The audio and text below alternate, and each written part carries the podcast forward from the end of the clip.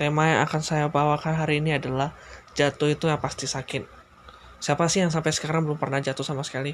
Pasti nggak ada lah ya, semua pasti merasa jatuh.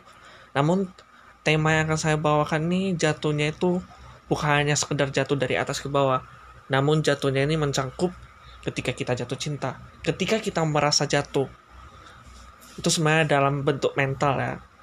Sebenarnya eh, ketika seseorang jatuh, jika dia menangis menurut saya itu adalah hal yang sangat wajar. Yalah ketika jatuh tuh sakit, ya sebagai manusia ketika sakit menangis itu adalah hal yang wajar. Ketika kita dimarahin orang, kita merasa jatuh, pasti perasaan kita sedih. Ya itu adalah hal yang wajar. Ketika kita jatuh cinta dan ditolak, kita merasa sedih. Itu adalah hal yang wajar.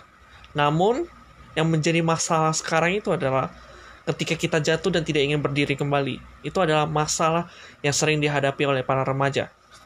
Contohnya ketika bisnis seseorang hancur, dia itu hanya bisa apa? Stres. Dia itu nggak nggak pernah berpikir untuk mencoba berdiri kembali untuk memulai bisnis. Jika semua orang bisa berpikir seperti itu, maka menurut saya keberhasilan itu akan mudah diraih. Oke, aku rasa itu aja. Ini untuk podcast pertama. Terima kasih.